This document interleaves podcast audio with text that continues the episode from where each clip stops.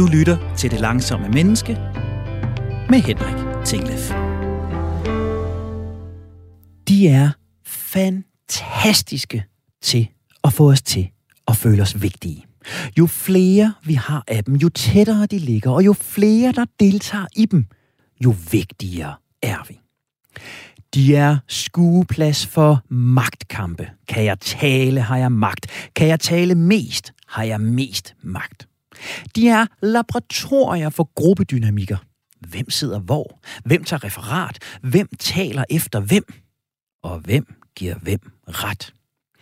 De kan være fora for fornyelse og fremskridt. For tåbeligheder og tidstyveri. For banebrydende begivenheder. Og bravende, barnagtigt bla bla bla.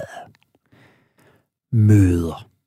Vi kender dem alle sammen. Vi holder dem alle sammen. Men øh, hvorfor egentlig? Hvornår har du sidst været til et møde, der rigtig rykkede? Hvornår er du sidst gået fra et møde og tænkt, det var lige det, vi havde brug for? Hvor ofte glæder du dig til et møde? Jeg gør sjældent.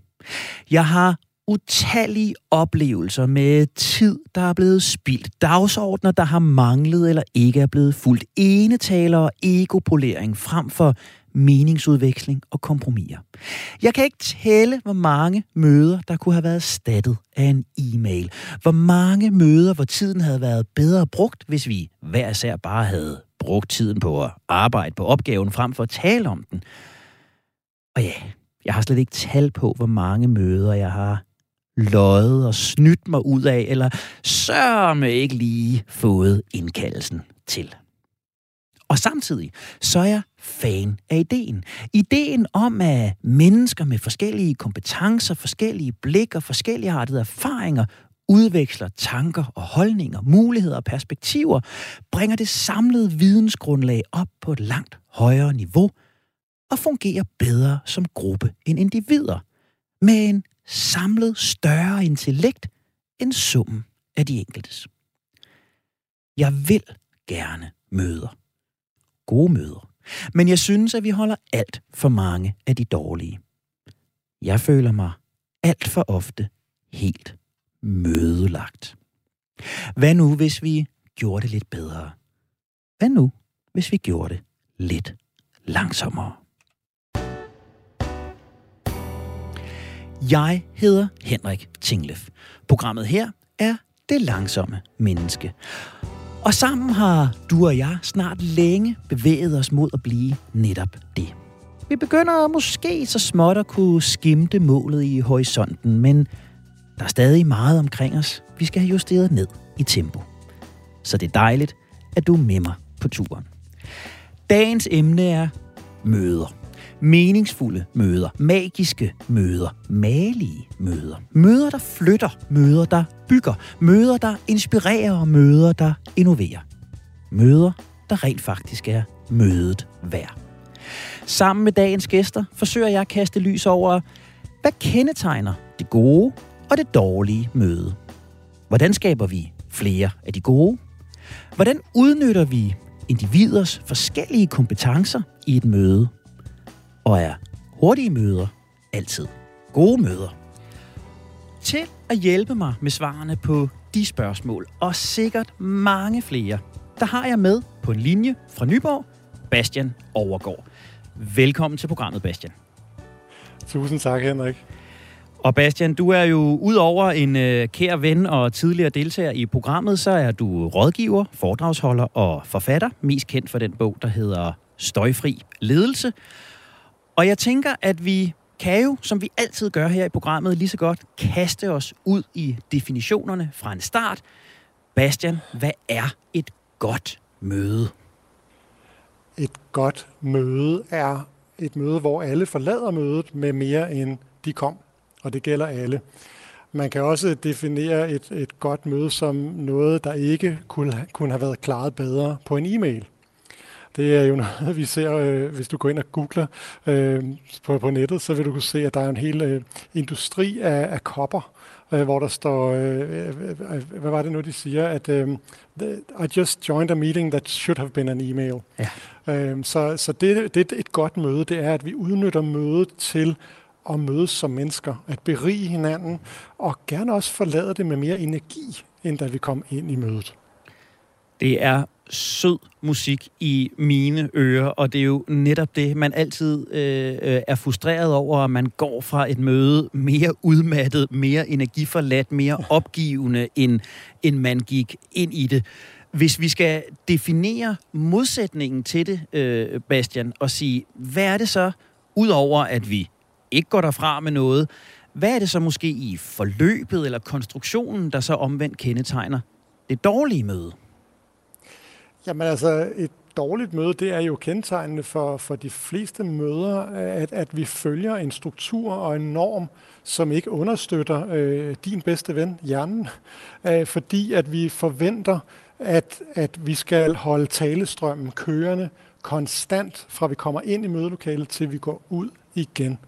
Og det er jo det, mit arbejde handler om, det er at gå ind og udfordre den norm og, og sætte stillet på dagsordenen, så det kan blive et, så stillet bliver en grundværdi, vi altid kan, kan falde tilbage på. Så det dårlige møde, jamen der taler vi med 9.000 ord i timen, non-stop, uden mellemrum. Det svarer til en skrivemaskine uden, uden en mellemrumstast. Det, det, det giver ikke vores hjerne mulighed for på noget tidspunkt at, øh, at processe de informationer, der er, til at gå ind og tænke kreativt og sætte det sammen på nye måder. Vi er faktisk tvunget til, og det her det er en aha-oplevelse for de fleste, når jeg er ude og holde foredrag. Så nu kan det, og nu bliver det sikkert også en, en aha-oplevelse for nogle af lytterne. Men når vi holder møder på gamle måder, på den gamle måde, så tvinger vi hinanden til at multitaske konstant. Fordi vi skal hele tiden enten tænke, mens vi lytter, eller vi skal tænke, mens vi taler. Der er ikke noget tidspunkt, hvor vi bare kan tænke. Men Bastian, hvad med alle os alfahander, der har billedet af, at jo mere jeg taler, jo højere jeg taler, og jo flere der lytter til mig, jo vigtigere er jeg, jo mere magtfuld er jeg, jo større er mit ego. Det er da, det er da gift for os, det du fortæller mig der. Ja, det kunne man øh, som udgangspunkt godt tro, hvis man øh, nu var den her alfa, han som ikke interesserede sig for, for fællesskabet, som ikke interesserede sig for at skabe øh, øh psykologisk tryghed og optimale øh, high performance teams, jamen så kan man måske godt føle, at det ikke er så, så godt. Fordi at, altså, undersøgelser viser jo, at, at hvis, hvis det er en eller to øh, i, i rummet, der får lov til at tale mest af tiden, jamen så falder den kollektive intelligens i et team. Så, så, og det kan selvfølgelig godt være irriterende, hvis du synes, at din egen intelligens den er bedre end den kollektive intelligens. Det kan være frygtelig belastende. Men det jeg så også oplever, øh, det er faktisk, og det er den gode nyhed til det, til det, du kommer ind på her, som ikke er så konfliktfyldt, og det er, at rigtig mange af dem, der taler rigtig meget og, og har svært ved at stoppe sig selv, når de begynder at arbejde øh, med, med at bringe stillhed ind øh, på dagsordenen, så oplever de faktisk, at det er rart for dem også, og de oplever en, en større nysgerrighed og et større nærvær over for dem, øh, som normalt ikke får sagt så meget. Så, øh, så måske er det også bare en vane for mange af de her, øh, øh, hvad hedder det, alfahand-typer, som de bare skal have udfordret. Så med andre ord, hvis man er et dumt svin, så er det et problem at implementere mindre tale og mere stillhed. Hvis man er et socialt engageret menneske med interesse i fællesskabets bedste, så kan det rent faktisk være rigtig givetigt. Det er rigtig, rigtig godt opsummeret. Jeg kunne godt tænke mig, Bastian, at, øh, at bevæge os i retning af det, som, som du jo alt andet lige er, er dygtig til. Øh, brugen af stillhed, brugen af muligheden for omtanke og refleksion. Hvis vi nu skulle være helt lavpraktisk konkrete her, hvordan bruger vi så stillhed i et møde? Ja, altså du kan jo starte med at tænke på det billede, øh, jeg gav før med øh, den her skrivemaskine uden en mellemrumstast. At, at, at vi skal simpelthen introducere mellemrumstasten som en fælles øh, øh et fælles sted, et fælles rum, som er i alles interesse. Det vil sige, at det kræver først og fremmest noget viden om, hvad støjen og den konstante talestrøm, hvad den har af konsekvenser, og hvor meget potentiale, der rent faktisk drukner i den her talestrøm. Det skal vi ligesom sætte på, på dagsordenen først, sådan så alle rundt om bordet ligesom har en, en brændende platform til at sige, okay, vi bliver nødt til at gøre det her på en anden måde. Når man så har gjort det, jamen så er det godt at starte stille og roligt, så man ikke skræmmer folk, så du kaster ikke folk ud i at sidde og, og være stille i, i 3-4 minutter. Øh, det kan føles som, som to dage for, for folk, der måske ikke er vant til at være i sig selv. Øh, så, så, så læg ud med få sekunder. Det kan være 30-40 sekunder. Bed om stillhed. Tag tiden. Spørg bagefter, hvordan det var. Få noget feedback, sådan at du kan tilpasse stillheden til de mennesker, der er i det rum, og til den kontekst, I er i. Fordi som med alt muligt andet, så er der ikke en fast skabelon for, hvordan man gør det her, og hvad der er den rigtige varighed af stillhed. Så, så min opfordring er, øh, tag det stille og roligt, og så begynd at, at, at, at træne dig selv i at bruge det her på forskellige måder i dine møder. Og jeg er jo sådan indrettet, at øh, jeg nogle gange skal have tingene skåret endnu mere ud i, øh, i pap. Og, og jeg har oplevet møder, hvor øh, en mødeleder, måske fordi han har været på kursus hos dig, øh, starter med at øh, sige, nu skal vi lige komme til stede, vi tager lige et minuts stillhed, og så kan jeg jo se folk omkring bordet øh, næsten sidde og få forhøjet puls, øh, klikke med kuglepennen, scrolle på mobiltelefoner, være usikker på, hvad, hvad er det rent faktisk, der, der, der sker her. Øh, jeg har også prøvet folk, der undervejs har stillet et spørgsmål, og så bare lavet der være stillhed med samme resultat af næsten mm. angstniveauet, og ikke den kollektive ja. intelligens øh, stiger i lokalet. Så, så altså, er det det her med at starte med stillhed? Er det efter spørgsmål? Eller, altså, helt lavpraktisk, Bastian, hvor, hvor, hvordan skal, hvornår er det rigtigt at bruge stillheden? Altså nu, nu er jeg lidt fræk, for jeg bliver nødt til at svare på, på noget andet i det spørgsmål. Fordi det er ikke, hvor, hvor man skal gøre det, men, men, men hvad der er vigtigt at gøre før. Og, og de her mødeleder, du lige refererer til her, jamen de har jo lavet en stor fejl. De, de har, den store fejl er, at de forholder sig ikke til, hvor utryg stillheden kan føles, og hvor meget stillhed er et kontroltab specielt i en verden, hvor vi er i konstant information flow, vi er, vi er konstant stimuli, så kan det føles, som du også er inde på her, meget grænseoverskridende og utrygt. Og det, det, bliver, det bliver du som facilitator af det her, som mødeleder, bliver du nødt til at sætte en scene, hvor der er den her psykologiske tryghed, sådan så at, at folk ikke er bange, når stillheden opstår. Og det er der mange måder at gøre på øh, i forhold til at preframe, hvad det er, der kommer til at ske. Så altså, jeg har for eksempel lige stået foran 450 ledere i, øh, her på Nyborg Strand, og jeg har bedt dem om at først være stille med sig selv i 40 sekunder, så har jeg bedt dem om at rejse sig op og være stille, mens de kigger, ser, hvor mange de kan nå at få øjenkontakt med. Og der er jo for eksempel en preframing, som er rigtig vigtig der, og det er, at det kan godt være, at det bliver lidt pinligt og akavet, og du er helt normal alligevel. Bare du holder din mund, så skal det nok blive godt alligevel. Øh, det er også okay, hvis du kommer til at fnise, bare du ikke siger noget. Så du kan se, før vi overhovedet begynder at tale om, hvor er det rigtigt at gøre. Er det rigtigt at gøre det i starten, i midten eller i slutningen? I øvrigt, alle de her tre er rigtige. Det, det, men det falder bare til jorden, hvis ikke du har preframet det godt nok. Og det er, jo, det er jo i virkeligheden det, jeg har oplevet, og hvor jeg er blevet taget lidt øh, sådan øh, på sengen, og selv har oplevet den der utryghed. Jeg har ikke forstået, hvad har det skulle bruges til? Hvorfor er det, vi skal gøre det? Hvad er det, der bliver forventet af mig? Og så kan jeg mærke, at, at, at adrenalinniveauet stiger, angsten stiger, øh, når jeg sidder der. Det er klart. Ja, det er klart. Jeg kunne godt tænke mig at spørge dig om, om i virkeligheden det stik modsatte, Bastian, fordi øh, både du og jeg er vant til at tale øh, meget, vi er vant til at tale foran mennesker, og forleden dag, der talte vi sammen om blandt andet, hvordan du Nej, jeg tror faktisk, vi skrev, men, men det gjorde vi så levende, at jeg havde en oplevelse af, det var en samtale åbenbart. øh, men du har øh, for nylig formuleret det her spændende ord, mødelagt, og, og du beskrev for mig, at det i virkeligheden var opstået i, øh, i drømme, men også at du tit fandt på nogle af de her sådan, begreber i samtale og når du var på. Og jeg kender godt det samme.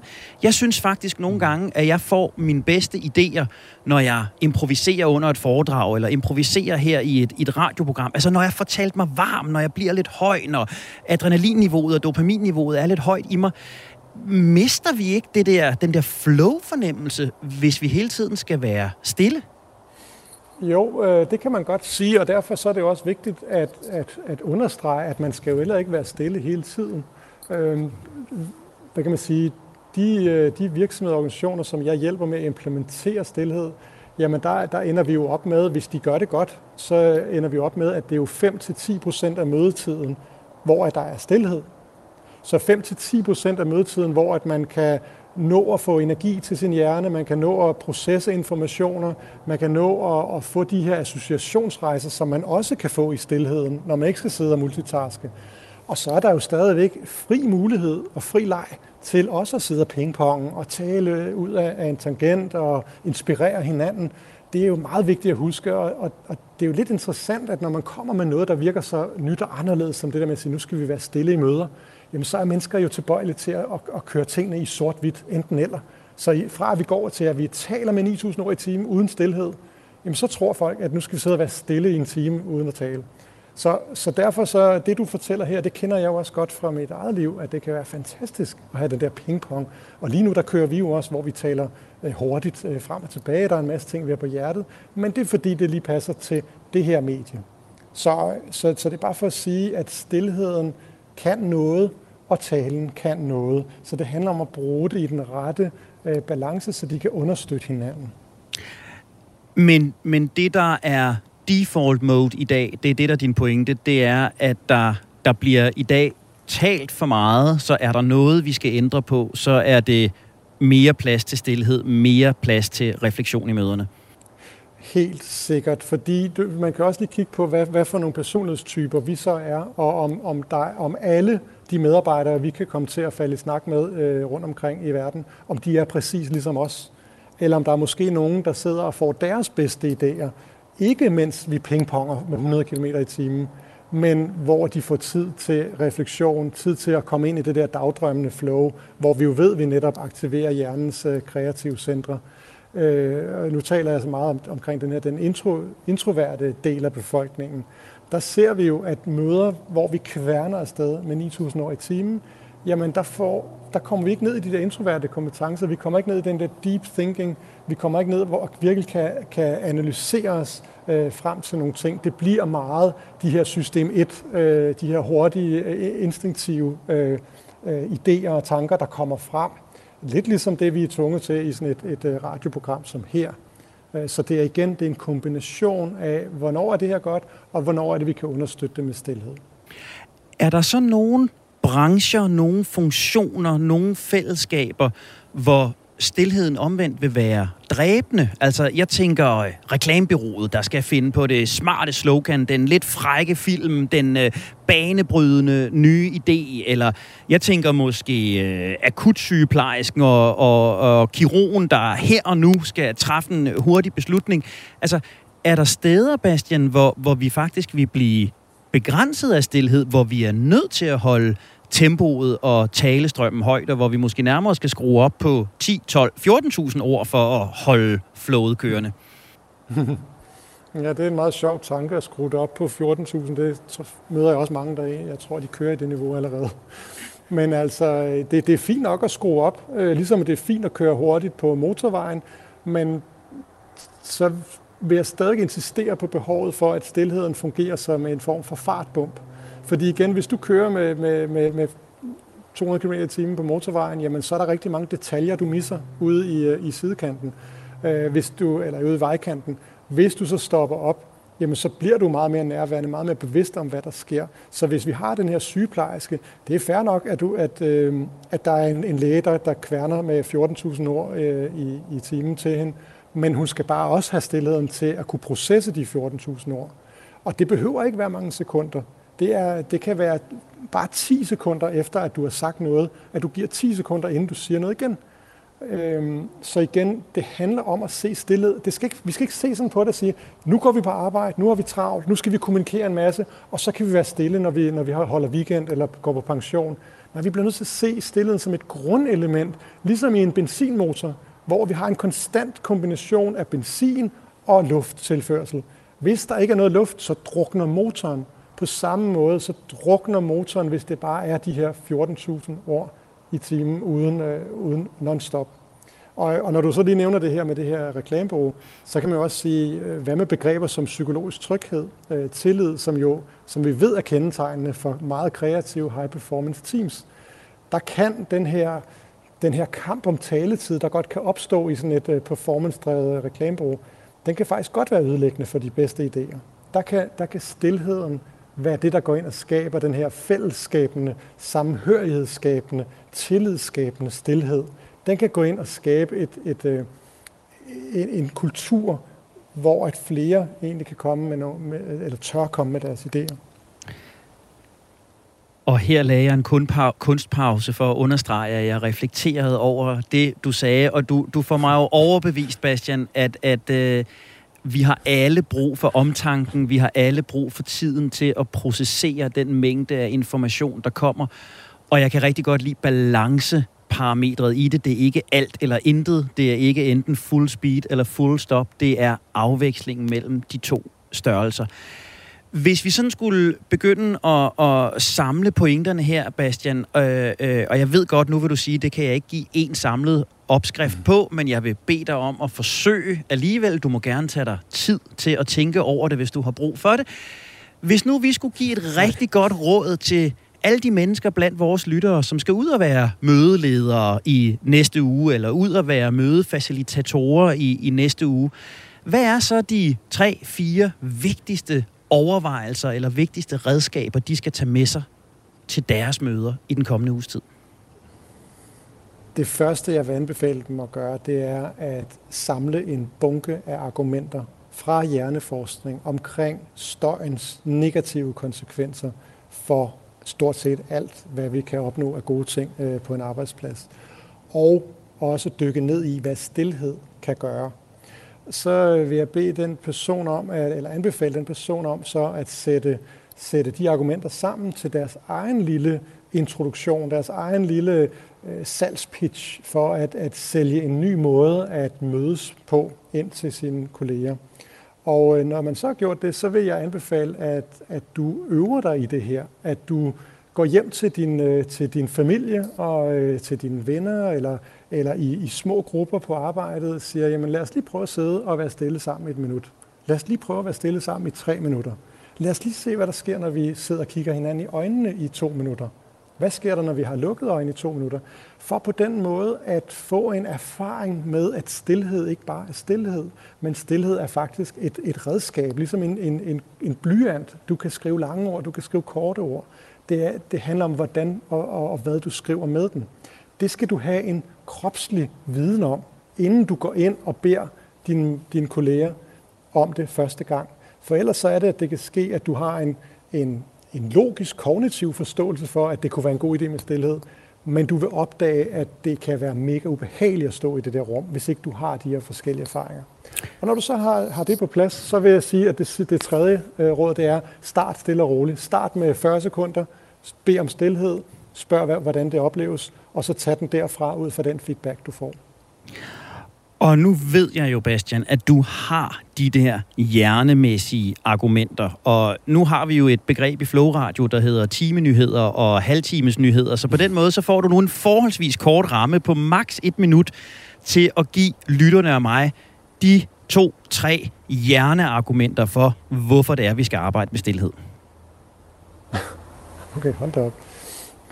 Jamen, først og fremmest så, øh, så sker der det, at øh, når hjernen oplever stillhed, så styrker du øh, hippocampus, som styrker din hukommelse, din indlæring, din evne til at træffe beslutninger og din evne til at, at navigere i sociale øh, relationer.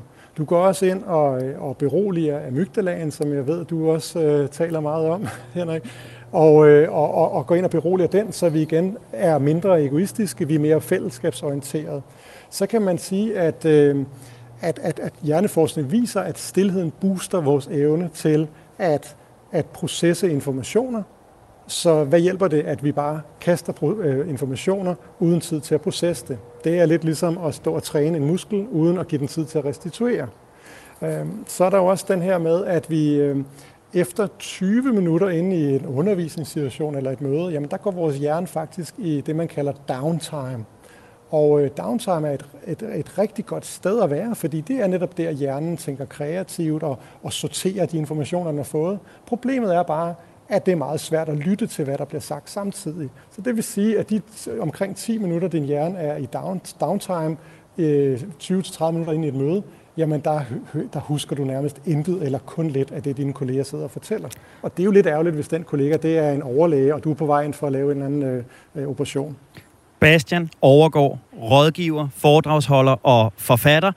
Tusind tak, fordi du vil gøre lytterne klogere på stille møder. Og jeg synes faktisk, at det var et godt møde, vi havde, Bastian. Du har stillet ind på Radio 4. Programmet, du lytter til, er det langsomme menneske. Mit navn er Henrik Tinglef, og sammen med Bastian Overgaard er jeg lige blevet klogere på langsomme og især stille møder.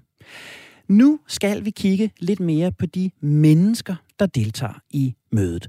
Og til det har jeg nu her i studiet fået besøg af Nana Pårup. Velkommen til, Nana. Tak skal du have.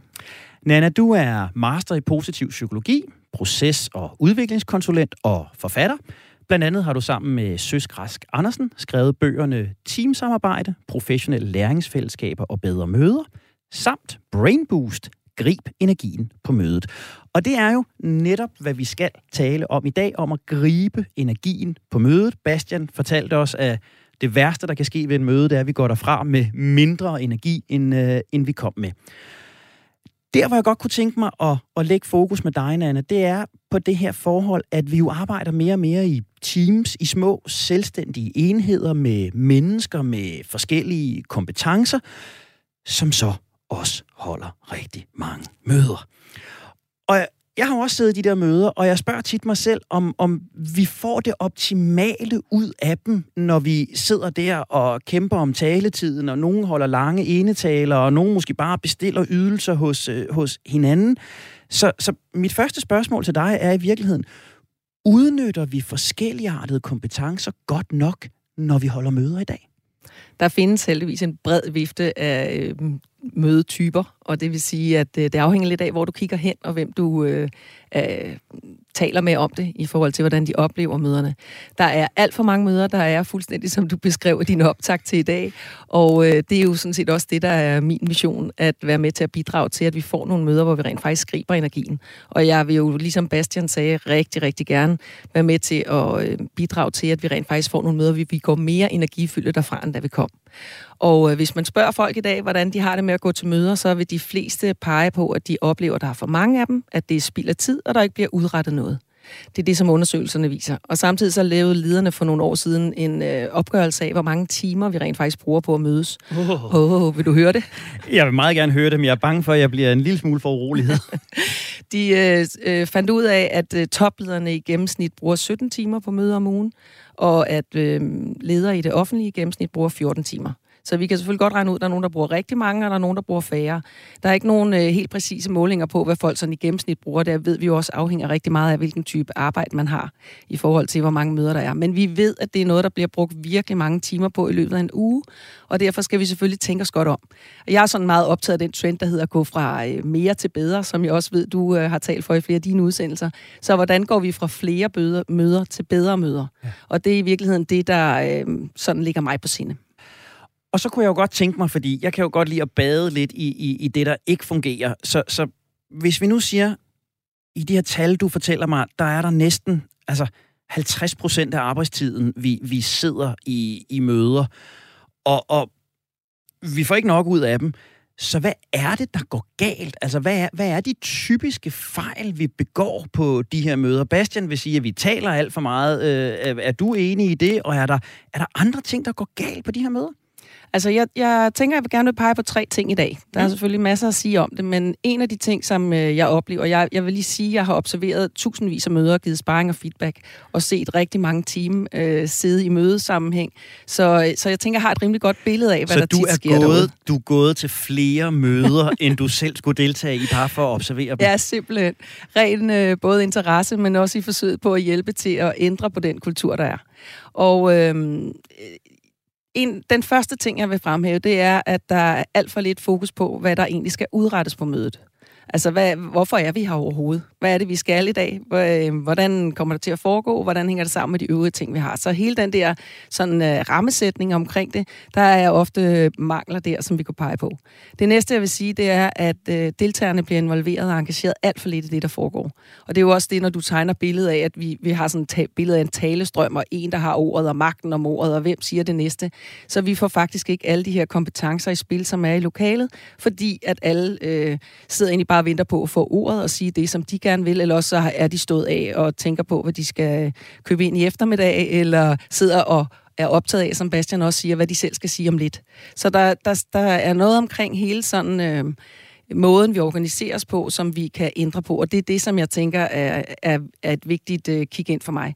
Det sidste, jeg vil nævne, øh, det er, at vi misser muligheden for faktisk at styrke teamet, når vi er sammen. Altså, så det der med, hvad er det egentlig, vi putter ind i den tid, vi er, vi er øh, i øh, møde øh, den tænker jeg, at vi kan kigge på på en helt anden måde. Så vi skal lige forestille os, vi sætter lige scenen her. Vi skal til et møde sammen, og vi ved, at vi, de fleste kommer fra et andet møde, eller en anden aktivitet, noget andet, de har været optaget i. Og så går vi som regel bare direkte i gang med den der dagsorden. Så vi misser egentlig den chance, der er for at lave et ordentligt check-in. Og det check-in kan se ud på mange måder. Bastians bud vil selvfølgelig være, at vi starter med stillhed. Øhm, mit bud, eller en anden måde at gøre det på, kunne også være at bruge stillheden sådan lidt mere rammesat, end, end Bastian tit gør, hvor vi siger, nu er der lige 30 sekunder til at parkere, hvad du kom fra. Er der lige en note, du skal have taget? Er der lige noget, du skal øh, have vendt, inden du egentlig er klar til lige at kigge på dagsordenen her og kigge frem? Og så kunne det også være en lejlighed til at starte mødet med at sige, okay, vi starter med den gode historie, fordi der er lavet nogle undersøgelser, hvor nogle psykologer har observeret team i møder, at de møder, der starter godt, er ofte de møder, der også øh, når bedst resultater. Altså det er dem, uanset om der er noget svært eller konfliktfyldt, vi skal tage fat i, så, øh, så ved vi, at vi åbner op på en anden måde, når vi rent faktisk har den gode historie som afsæt. Så det kan være en ting, der har fungeret godt siden sidst, eller en positiv oplevelse med, hvad ved jeg, en kunde, eller hvis det er i skole- og ungdomsuddannelsesregi med en elev, eller et barn, eller en forældre, eller hvad end det nu kan være, vi kan tage fat i. Så, øhm, så det at fremhæve noget, der rent faktisk virker som sådan en start. Så vil vi også i øh, løbet af møderne øh, lægge vægt på, at vi skaber noget variation. Altså, så vi rent faktisk også får bevægelsen ind. Måske skal vi op og stå, måske skal vi ud og gå en tur, måske laver vi en lille hjernepause. Måske laver vi en samarbejdsøvelse, hvor vi øh, kommer i nogle situationer, hvor vi griner lidt, og vi bliver opmærksom på, hey, hvad, hvad var der lige på færre her, og var der noget af det, vi gjorde nu, som vi med fordel kan justere i vores fremtidige måde at samarbejde på. Så det er egentlig sådan at lege lidt med formatet, være lidt mere modig, øh, give lidt slip på den der meget traditionelle, kedelige form, hvor en taler gang. Og så kunne jeg alligevel godt tænke mig at dykke ned i det noget af det kedelige, fordi alle mine alarmklokker går jo, når du siger agenda og dagsorden. Ikke? Det er jo en af mine øh, hovedpointer. Hold op, hvor har man siddet til mange møder uden dagsorden, mm. med mangelfuld dagsorden, mm. eller næsten endnu værre, med fem forskellige dagsordner omkring bordet. Vi ved godt, vi skal tale ja. om projekt A eller udfordring B, men vi har alle sammen fire eller fem forskellige øh, billeder af, hvad det er, der er vigtigt, hvad det er, vi skal have svaret på. Og, og altså, helt lavpraktisk spørgsmål. Hvad er den gode mødedagsorden? Hvordan sikrer vi, at, at vi får en ordentlig struktur på et møde, og at vi taler om det, der er vigtigt at tale om? Altså, det gør vi ved at bruge, øh, vi opfordrer til at bruge øh, Beneath McCarthy's model, formatmodellen, som egentlig bare handler om at komme rundt om fire spørgsmål, som øh, hvert punkt skal svare på på en dagsorden. Hvorfor er punktet på? Hvad er det, vi skal udrette i dag i forhold til det her punkt? Altså, hvorfor har vi det overhovedet på? Hvorfor er det vigtigt for os? Hvad er det, der gør, at vi tænker, wow, vi skal til det her møde, for vi skal arbejde præcis med det her? Dernæst så går det på indholdet. Så hvad er det, vi skal omkring det her punkt i dag? Hvis, hvis mødet er et kort møde, så, så er der måske ikke den store tid til at være samskabende eller kreativ eller idéudvikle, og så, så skal det ligesom være sat fra start af, så vi går ind til mødet med den her forventning om, at det måske handler om at designe, hvordan den proces skal være, frem for at vi tror, at vi når i mål i dag. Og endelig så skal der være tænkt over, hvordan vi arbejder med punktet. Og øh, sådan lidt i forlængelse af måske Bastians øh, opmærksomhed på stillhed, så øh, bruger vi ofte det, der hedder tavsreflektion. Altså, så, så hvis ikke man har noget at forberede mødet eller punktet hjemmefra, eller inden man går ind i øh, lokalet, hvilket ofte sker, når vi har back-to-back-møder, så skal der være noget tid på mødet til at kvalificere sit input. Så det vil sige, nu er der måske lige et minut eller to til lige at tænke over, hvad er egentlig vigtigt, at vi får talt om, eller får taget fat på, eller får gjort, mens vi er her, så vi har en lejlighed til lige at mærke efter på det, inden vi går i gang. Hvis ikke vi gør det, så ved vi, at det er den spontane, der starter og har et bud, og så kører vi ofte med det spor, og så kommer vi måske aldrig tilbage til noget af det, der egentlig også var vigtigt. Du kaldte det fem forskellige dagsordner. Det kan også være, at der var fem forskellige vigtige input, men vi i virkeligheden kun når det ene, fordi det er det, der bliver dagsordensættende for resten. Så det tredje, øh, det tredje HV-spørgsmål, det er, hvordan vi så organiserer det, og det kunne blandt andet være at sige, at vi tager lige et par minutter til at tænke over det. kan også være, at vi lige skal dele med sidemanden og finde ud af noget, inden vi deler i plenum, sådan så vi får fordelt taletiden på en anden måde.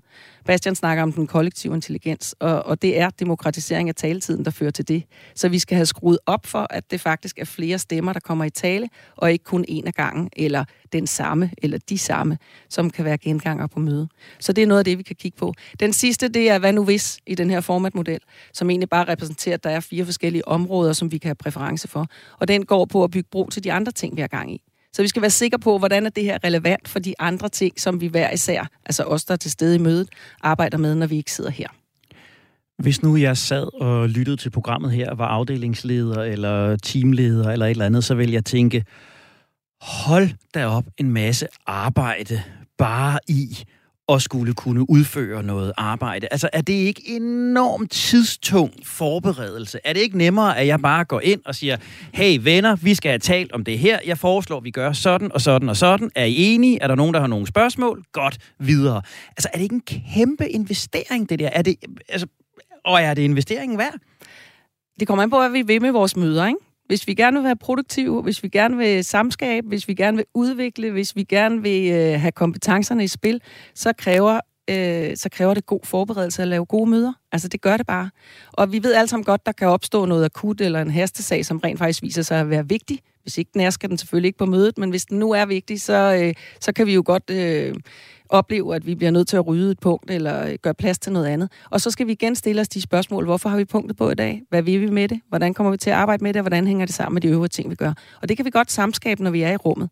Så, så det er ligesom med alt muligt andet, at det skal selvfølgelig trænes, med, men hvis vi øver os i at lave dagsordner, der svarer på de fire spørgsmål, så hjælper vi altså virkelig godt på vej.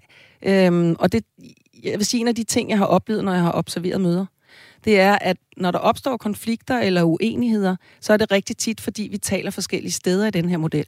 Så nogle er optaget af, hvordan øh, processen skal være, andre er optaget af, hvorfor vi overhovedet skal gøre det, og andre igen af øh, den indholdsmæssige del. Så den hjælper os til, at vi bliver mere produktive på møderne, når vi følger strukturen. Og det er jo ligesom alt muligt andet, det skal læres. Ja. Trænes. Og det er jo i virkeligheden den pointe, vi gang på gang møder i, i programrækken her, at hvis vi laver et forberedende stykke arbejde, hvis vi bruger noget tid og nogle kræfter på afklaring, hvad end det er om fokus eller værdier eller muligheder, så ender vi i virkeligheden med at eksekvere langt bedre, når vi, når vi når til det. det. Det koster bare noget forberedelse for at være effektiv på den lange bane, i stedet for at springe direkte i poolen. Men helt sikkert, og min erfaring er, at, at øh, når vi har trænet det i en periode, så opleves det ikke som om, at det tager så lang tid. Altså, så bliver det bare en, en helt naturlig del at gøre. Og hvem gider komme til møder, der er uforberedte? Altså helt ærligt, vi spilder så meget tid, når vi sidder der. Det kan godt være, det er hyggeligt, og det kan godt være, at det på den måde kan bidrage til noget ind i teamet. Men igen, så er vores øh, opfordring jo egentlig til, at vi så bruger det bevidst. Hvis det er et møde, hvor vi tænker, at i dag har vi bare god tid, vi skal sådan set ikke så meget. Skønt, ikke? Hvor mange går til sådan nogle møder. Vi føler næsten altid, at vi er på bagkant, inden vi kommer i gang. Og det, øh, det er en virkelig, altså det er dårligt for os på så mange plan. Det, det tænker jeg, mange af dine forrige udsendelser øh, allerede har øh, givet argumenterne for, hvorfor vi faktisk skal gøre os umage med det her. Og jeg står for lyst til at spørge dig, fordi vi, vi, vi har lidt en tendens i, i en række programmer nu, der handler på, øh, eller handler om, at mange af vores gæster opfordrer mig og lytterne til at være hurtigere til at sige fra, være hurtigere til at kvitte et job, man ikke er tilfreds med, være hurtigere til at vælge aktiviteter fra, der ikke er givende, eller mennesker fra, der ikke er givende. Skal vi i virkeligheden også være bedre til at vælge møder fra? Altså møder, hvor vi får en indkaldelse, der er mangelfuld, eller en agenda, hvor der ikke er svaret på dine fire spørgsmål? Eller, altså, skal vi simpelthen være bedre til enten ikke at møde op, eller i mødet og sige, hey, øh, det her punkt, det er, jo, det er jo slet ikke øh, udførligt beskrevet, vi ved ikke, hvad vi skal jeg går nu, eller skal vi ikke stryge det af dagsordenen? Skal vi sige mere fra over for de her møder, når nu vi er så mange, der synes, vi bruger for meget tid på Jeg tror, vi skal være bedre til at tage en, en øh, kvalificeret snak omkring det. Altså, at vi sætter tid af på vores møder til at evaluere dem. Og det, det kan vi gøre meget nemt med sådan en rammesætning efter det, vi kalder for god-modellen, guldkorn og optimering. Så hvad fungerer allerede godt i vores praksis? De der ting, som vi skal holde fast i og blive ved med. Og hvor ser vi nogle ting, som vi med fordel kan justere? Hvis vi er et team, som taler i munden på hinanden, jamen, så kan det godt være, at vi skal indføre øh, et eller andet form for ur, der ligesom siger, at man har så også lang tid til at byde ind med, og efter det, så er der lige 10 sekunders tænkepause, inden den næste kommer på, så man ikke sidder optaget af, hvad man selv skal sige om lidt. Altså sådan lidt slags... Øh, ja, det kunne være en måde at gøre det på. Man kan måske også have en talestav i en periode, sådan så man er opmærksom på, hvem har egentlig ordet nu, så alle de andre ikke bryder ind. Og det er jo sådan, det er et gammelt trick tilbage fra indianerne, der sad rundt om bålet, og vi var ikke i tvivl om, hvem der havde ordet. Men det kan noget, når vi rent faktisk træder ind i det rum og tør tage nogle af de der ting, som man tænker, ej, bliver det ikke lidt underligt af noget? Hmm, det gør det ikke, når vi, øh, når vi ved, hvorfor vi gør det, og at vi respekterer og gør os umage med at skabe gode møder. Det er jo det, det handler om. Og det er alt fra, vi kommer ind ad døren, hvordan hilser vi på hinanden, hvordan sætter vi os rundt om bordet, gør vi os umage med at lave cirklen, eller er der nogen, der trækker stolene lidt væk, er der nogen, der øh, kommer og går, er der nogen, der sidder med mobilen, er der, altså der er jo alt muligt adfærd omkring møder, som faktisk også er vigtigt at kigge på. Eller også skal man holde møder i radiostudiet. Det er så dejligt at stå her ved pulten, og jeg kan bare slukke for de mikrofoner, jeg ikke ønsker at høre på.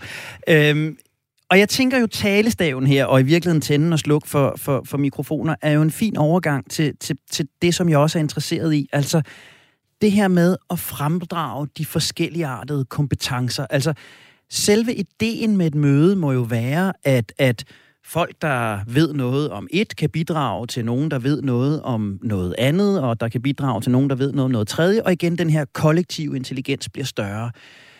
Så du har givet nogle strukturmæssige, super gode råd. Øh, hvad gør vi for at bruge hinanden bedre og bruge hinandens kompetencer bedre på møder fremadrettet? At det, jeg tænker, der er mange veje til det. Øhm, og en del af det ligger jo i forberedelsen, i virkeligheden i forhold til at sige, hvad, hvad, hvad forventer vi af hinanden i forhold til det her, og hvordan sikrer vi, at de forskellige stemmer kommer i spil. Det, det passer igen fint ind i strukturen i forhold til den der formatmodel, som jeg nævnte før, så vi er skarpe på, hvem, hvem har noget at bidrage med i forhold til det her. Altså, er der nogen, der har øh, et oplæg, øh, der er tænkt hjemmefra? Er der, en, er der en artikel, der skal læses? Er der nogen, som har været på kursus eller uddannelse? Er der noget, der skal deles? Altså, der er jo masser af måder, vi i virkeligheden kan få det i spil på. Og når vi sidder helt konkret, så er det jo også anerkendelsen af, at, øh, altså, at vi har noget at bidrage med. Og jeg tænker, øh, der er to teorier, som er relevante i forhold til det her med at skabe gode møder, som jeg lige vil nævne i den her sammenhæng. Og den ene, den går på, hvad skal der til for, at mennesker trives? Og øh, der har vi inden for den positive psykologi øh, Seligmans øh, teori, der er kendetegnet af akronymet PERMA, som står for positive emotioner, engagement, relationer, mening og det at kunne mestre så, så kan, kan vi rent faktisk få dem her i spil. Og der øh, kan man sige, i forhold til det med kompetencerne, jamen både det, at det opleves meningsfyldt for deltagerne, mine kompetencer kommer i spil, og jeg kan bruge den viden, jeg har, og at jeg rent faktisk lykkes med det i den at mestre øh, delen, som er A'et i modellen, kommer accomplishment på den engelske udgave. Derudover så er der selvbestemmelsesteorien, som er Daisy og Ryan, der i 40 år har forsket i de tre psykologiske behov, som vi alle sammen egentlig søger at få øh, iltet eller tilfredsstillet eller blive mødt på, og det gør vi også i mødesammenhæng. Og det handler om, at vi skal opleve autonomi, og at vi skal opleve kompetence og samhørighed. Og autonomien, altså der kan man sige, hvis man kommer til møde, hvor man er passiv, ikke bliver involveret og engageret, jamen så kommer man ikke i spil, så, så er man der med ligegyldighed, og man går måske også ud og taler dårligt om de møder, man bruger sin tid på, og synes bare, det spilder tid. Så hvordan kan vi rent faktisk skabe en ramme, hvor autonomien kommer mere i spil, når vi er der? Og det kan vi jo kun, hvis vi taler om, hvad er et godt møde for os her, og hvordan skal vi organisere det sådan, så der bliver plads til at få den indflydelse med de præferencer og med de mennesker, vi rent faktisk er til stede i det her rum og igen kompetencerne, som vi ikke skal underkende øh, værdien af. Vi ved jo også, at øh, vi er i bedst i flow, når de kompetencer bliver udfordret til pas, og tænk, hvis vi kunne lave flowfyldte møder. Ja. Altså sådan virkelig, hvor vi bare tænker, det er idé på idé, der genererer. Velvidende, at vi skal tage vores pauser til rent faktisk at reflektere over, kom vi derhen, når vi gerne skulle, og blev det sådan, som vi havde forestillet os? Er der noget, vi har glemt at se på? Alle de der ting, som vi kan øh, lave refleksioner undervejs. Og det sidste sammenhørigheden, det er jo så også derfor, vi tænker, at, at øh, man skal bruge møderne på at lære hinanden bedre at kende. Altså fordi, når vi kender hinanden bedre, så er vi også mere omsorgsfulde og øh, have større respekt for, hvad vi ser hinanden gøre i hverdagen. Så det er sådan nogle af elementerne i forhold til virkelig at få de her kompetencer i spil. Og det giver jo teoretisk, det kan, det, kan, det kan lyde lidt nedsættende at sige, det giver teoretisk mening, men, men, men jeg kan godt følge det. Men når Andreas og jeg på tirsdag skal holde redaktionsmøde om vores sommerprogrammer, øh, så tror jeg, at vi begge to har glemt øh, PERMA-begrebet. Øh, jeg tror, øh, selvom vi nu har tæsket gennem psykologisk tryghed i jeg ved ikke hvor mange programmer, så tror jeg også, vi vil have svært ved at sætte ord på, hvad betyder det egentlig for vores møde. Vi vil bare gerne mødes og have styr på, hvad skal sommersendeplanen øh, være. Og det er jo nok sådan, praksis ser ud, hvad end det er på en skole, et lærerteam skal mødes og sige, hvad er det for, hvad skal undervisning indeholde her i foråret, eller på en arbejdsplads, hvad skal vi gøre med den her, det her kundeprojekt. Så hvis vi nu lige skal sætte teorierne og modellerne til side og sige, når Andreas og jeg mødes på tirsdag, og vi skal finde ud af, hvad skal vi sende i sommerferien, Hvad så de gode råd for, at vi udnytter tiden bedst, for at jeg udnytter Andreas' viden om lyd og god radio og komposition af et program, og Andreas får noget ud af min faglige viden og erfaring med at være vært. Hvad er vores bedste forberedelse til på tirsdag? Det er helt reelt, det her. Det er, det er virkelig møde. ja, det er et virkelig møde. Og som i virkeligheden også kræver forberedelse, ikke? Fordi, hvad, hvad, hvornår, hvornår er I mest kreative og idérige? Altså, øh, skal I øh, i virkeligheden mødes et andet sted end her? Når I skal lave det her? Skal I øh, tænke i, hvordan I laver noget visuelt støtte, som, som får jeres idéer? Jeg ved ikke, I kan arbejde med Padlet eller med mindmaps, eller, altså der er jo alle mulige øh, forskellige øh, remedier og øh, øh, hjælpe øh, værktøjer til det. Det kan også være, at I bare skal have en flip over og nogle post-it, eller hvad ved jeg. Men hvad er det, I, øh, hvad er det, I leger med? Måske har I nogle øh, styrkekort liggende på bordet, eller altså der er jo masser af elementer og ting, som I kan hive fat i, sådan for, øh, for at tænke lidt ud af boksen, så det ikke bare er, at I møder ind og tænker, når nye idéer vurdere, øh, hvor kommer de lige fra. Det kan også være, at I har masser på lager for sidst. I har en brutoliste, som I ved, de dengang ikke nåede, men som måske kunne være relevant at øh, finde frem og have med inden mødet, så I ikke sidder på mødet og skal bruge tid på at finde den. Så hvad forventer I af hinanden? Hvad møder man ind med? Har man allerede tre gode idéer, når man kommer, eller udvikler I dem sammen? Der er masser af ting at tage stilling til, kan du godt se, hvis vi virkelig skal have et godt møde. Jamen, og, det, og, og det er jo faktisk reelt, fordi at, at, at, altså, jeg har jo store forventninger til, hvad Andreas møder op med, men, men, men jeg har måske gjort mig knap så mange overvejelser om, hvad jeg egentlig selv skal møde op med, og vi har i hvert fald slet ikke gjort os op øh, overvejelser omkring, hvad er det for rammer, vi skal have. Nej. Og det, det er jo en del af det at forberede mødet. Altså øh, under hvordan i virkeligheden. Ikke? Hvordan skal det foregå? Er vi ude? Er vi inde? Øh, er det kun os? Har vi nogle livliner, vi kan trække på undervejs? Eller er der nogen, der skal forholde sig til det produkt, vi kommer frem med? Hvad er den videre plan igen? Hvad er det, vi skal udrette på det her møde? Hvad forventer vi at gå derfra med? Er det første step, eller er hele programplanen klar, når I træder ud af døren? Det har også betydning for, hvor lang tid I skal Der tænker af, jeg, at det gør Andreas færdig, når vi har holdt mødet.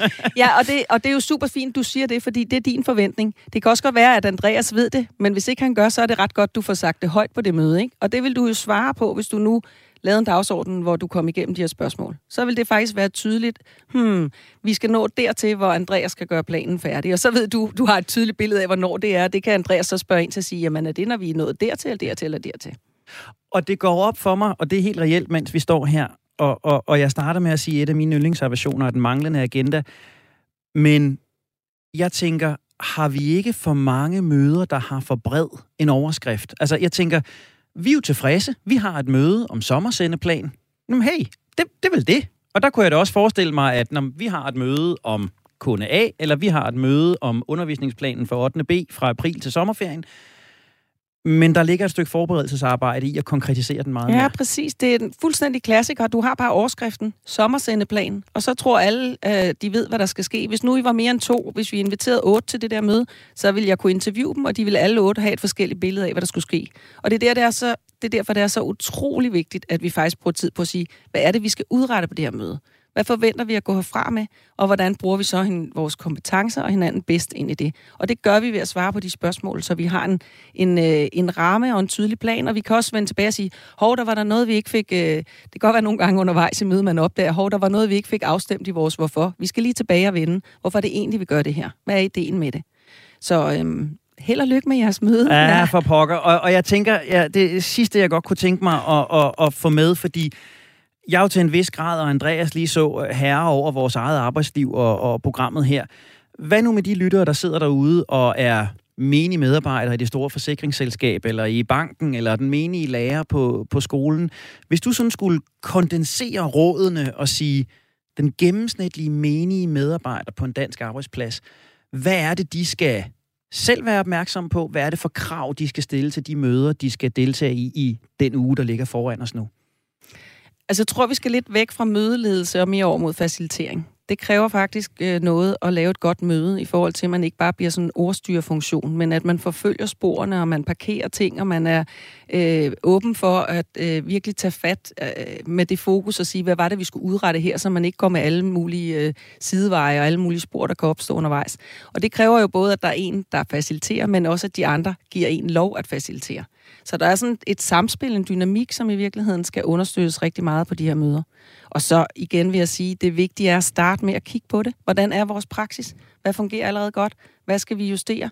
Der er tit noget, man skal holde op med på møder, lige så vel som der er noget, man skal begynde på, men der er rigtig mange ting, man skal holde op med, og det ved folk godt, hvis man spørger dem. Så bare det at få den snak, så er vi jo et skridt af vejen. Så det vi alle sammen lover hinanden, det er, når vi går til møder i næste uge, det er, at vi bruger lige et par minutter på at tale om, hvad skal vi holde op med at gøre, og vi bruger lige et par minutter på at tale om, hvad er det, der fungerer godt på de her møder. Proces- og udviklingskonsulent, forfatter og meget mere, Nana Pårup, tusind, tusind tak, fordi du vil komme til møde med mig og gøre mig og lytterne klogere på møder. Tak for invitationen. Og øh, så er der ikke flere ord for i dag. Hverken hurtige eller langsomme. Hverken om gode møder eller dårlige møder, om fyldige agendaer eller manglende dagsordner. Det var det, som dagens møde kunne byde på.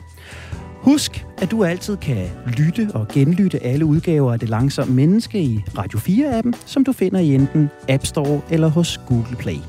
Det er også her, du kan lytte til alle de andre gode radioprogrammer på Radio 4. Har du input, kommentarer eller interessante vinkler på langsomlighed, som vi skal kigge nærmere på, så kan du altid skrive direkte til redaktionen på langsom radio4.dk. Tak, fordi du endnu en gang har investeret både din tid og din opmærksomhed i os. Jeg hedder Henrik Tinglef, og jeg er den evigt selvbestaltede mødeleder med en klar agenda om at blive det langsomme menneske.